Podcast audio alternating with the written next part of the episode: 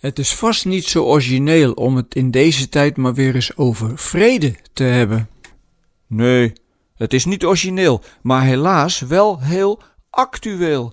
Waarom is het toch zo moeilijk om in vrede met elkaar deze aardbol tot iets moois te maken? Elk jaar zingen we weer over vrede op aarde en de tijden worden steeds onrustiger. Zou de wereld er bijvoorbeeld vrediger uitzien als er geen godsdiensten waren? Sommige mensen beweren dat wel eens, hè? Ik geloof er helemaal niks van. Ik heb ooit een interview gezien met een inwoner van Papua Nieuw-Guinea. Hij vertelde hoe het was voordat het christendom bij hen kwam. Ze bedreven nog volop cannibalisme. Het leven van de mannen bestond voornamelijk uit oorlog voeren en pogingen om het nabijgelegen dorp uit te moorden. Toen kwam het evangelie en de dorpen kwamen massaal tot geloof.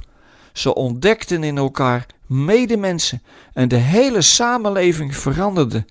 Dus je moet mij niet vertellen dat het door religies komt dat er zoveel oorlog is. Zeker, er zijn bepaalde groepen op onze wereld die vinden dat iedereen er zo over moet denken als zij en anders moet je vrezen voor je leven. Maar dat zijn uitwassen die niet representatief zijn voor al die goedwillende mensen die niets liever willen dan het een beetje mooi maken op aarde. Ik vind het antwoord van het christelijk geloof op de vraag waarom er zoveel oorlog is nog steeds het juiste, omdat het in de mensen zelf zit.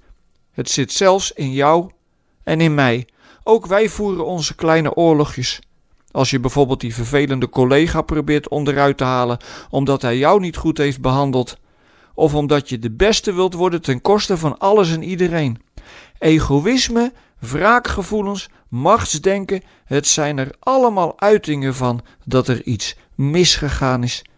Want ik geloof niet dat deze wereld zo bedoeld is. Ik geloof wel dat er zoiets bestaat als wat wij in de Bijbel zonde noemen. Ten diepste zit het verkeerd van binnen, omdat wij niet van God willen zijn, maar als God willen zijn. En dat kunnen we niet. Je moet ook niet iets willen worden dat je niet bent. Dat gaat altijd fout. Dus als wij het over vrede willen hebben, moeten we maar eens beginnen met elke morgen even in de spiegel te kijken en je af te vragen: met wie wil ik vandaag een innerlijke oorlog beëindigen? Wie weet dat als je een bepaalde persoon in gedachten neemt, het je daadwerkelijk helpt om je houding tegenover hem te veranderen. Dat je jaloezie tegenover hem wordt omgezet in bewondering. En je zult zien, daar word je zelf ook veel gelukkiger van. Dan kom je nog wel helemaal niet toe aan de grote wereldproblemen. Maar het is vaak makkelijker om daarover te praten dan over je eigen oorlogszuchtigheid. Want die wereldproblemen, ach, daar kun je mooi van zeggen dat jij er ook niks aan kunt doen. Maar wat er in je eigen hart gebeurt, daar ben je zelf bij.